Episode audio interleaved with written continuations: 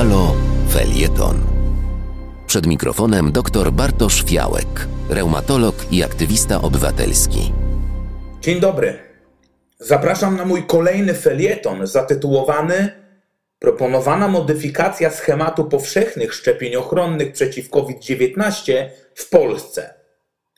To zagadnienie niezmiernie ważne, wszak zmiana realizacji Narodowego Programu Szczepień, w skrócie NPS, ma ogromny wpływ na jego wydolność oraz skuteczność, a co za tym idzie, nasze zdrowotne oraz ekonomiczne i gospodarcze bezpieczeństwo.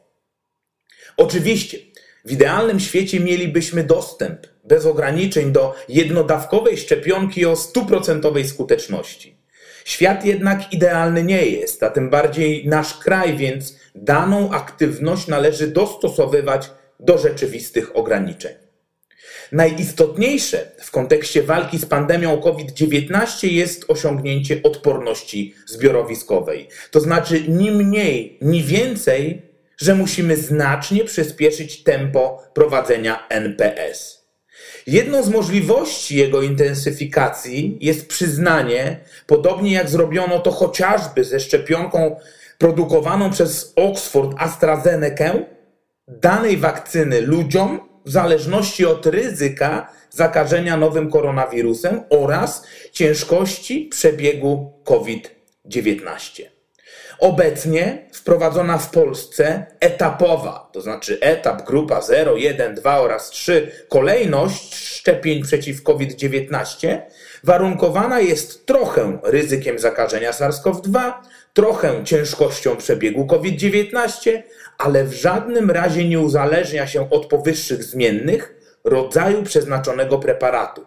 Na przykład szczepienia młodych, zdrowych pracowników administracyjnych placówek medycznych przy użyciu potencjalnie najbardziej doskonałych wakcyn opartych o technologię mRNA, co uważam za nieoptymalne wykorzystanie tych leków.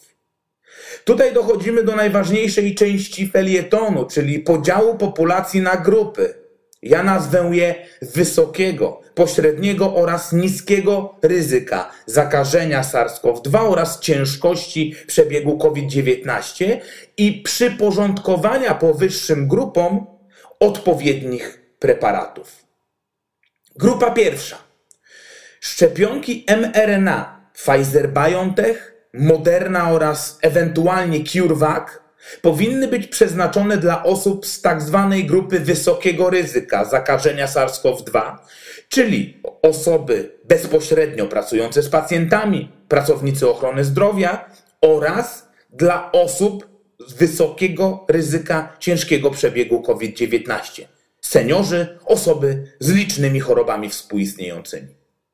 Grupa druga pośredniego ryzyka. Szczepionki Novavax technologia proteinowa, wektorowe Oxford AstraZeneca oraz ewentualnie Sputnik 5 czy inaktywowana Walnewa powinny być przeznaczone właśnie dla tej grupy, dla grupy pośredniego ryzyka zakażenia SARS-CoV-2, między innymi nauczyciele, służby mundurowe, służby komunalne oraz pośredniego ryzyka ciężkiego przebiegu COVID-19. Osoby starsze bez istotnego obciążenia chorobowego, osoby młodsze z licznymi chorobami. I w końcu trzecia grupa, grupa niskiego ryzyka. I w tej grupie proponuję jednodawkowe szczepionki wektorowe. Johnson Johnson o skuteczności 66% oraz CanSino Bio o skuteczności 65,7%.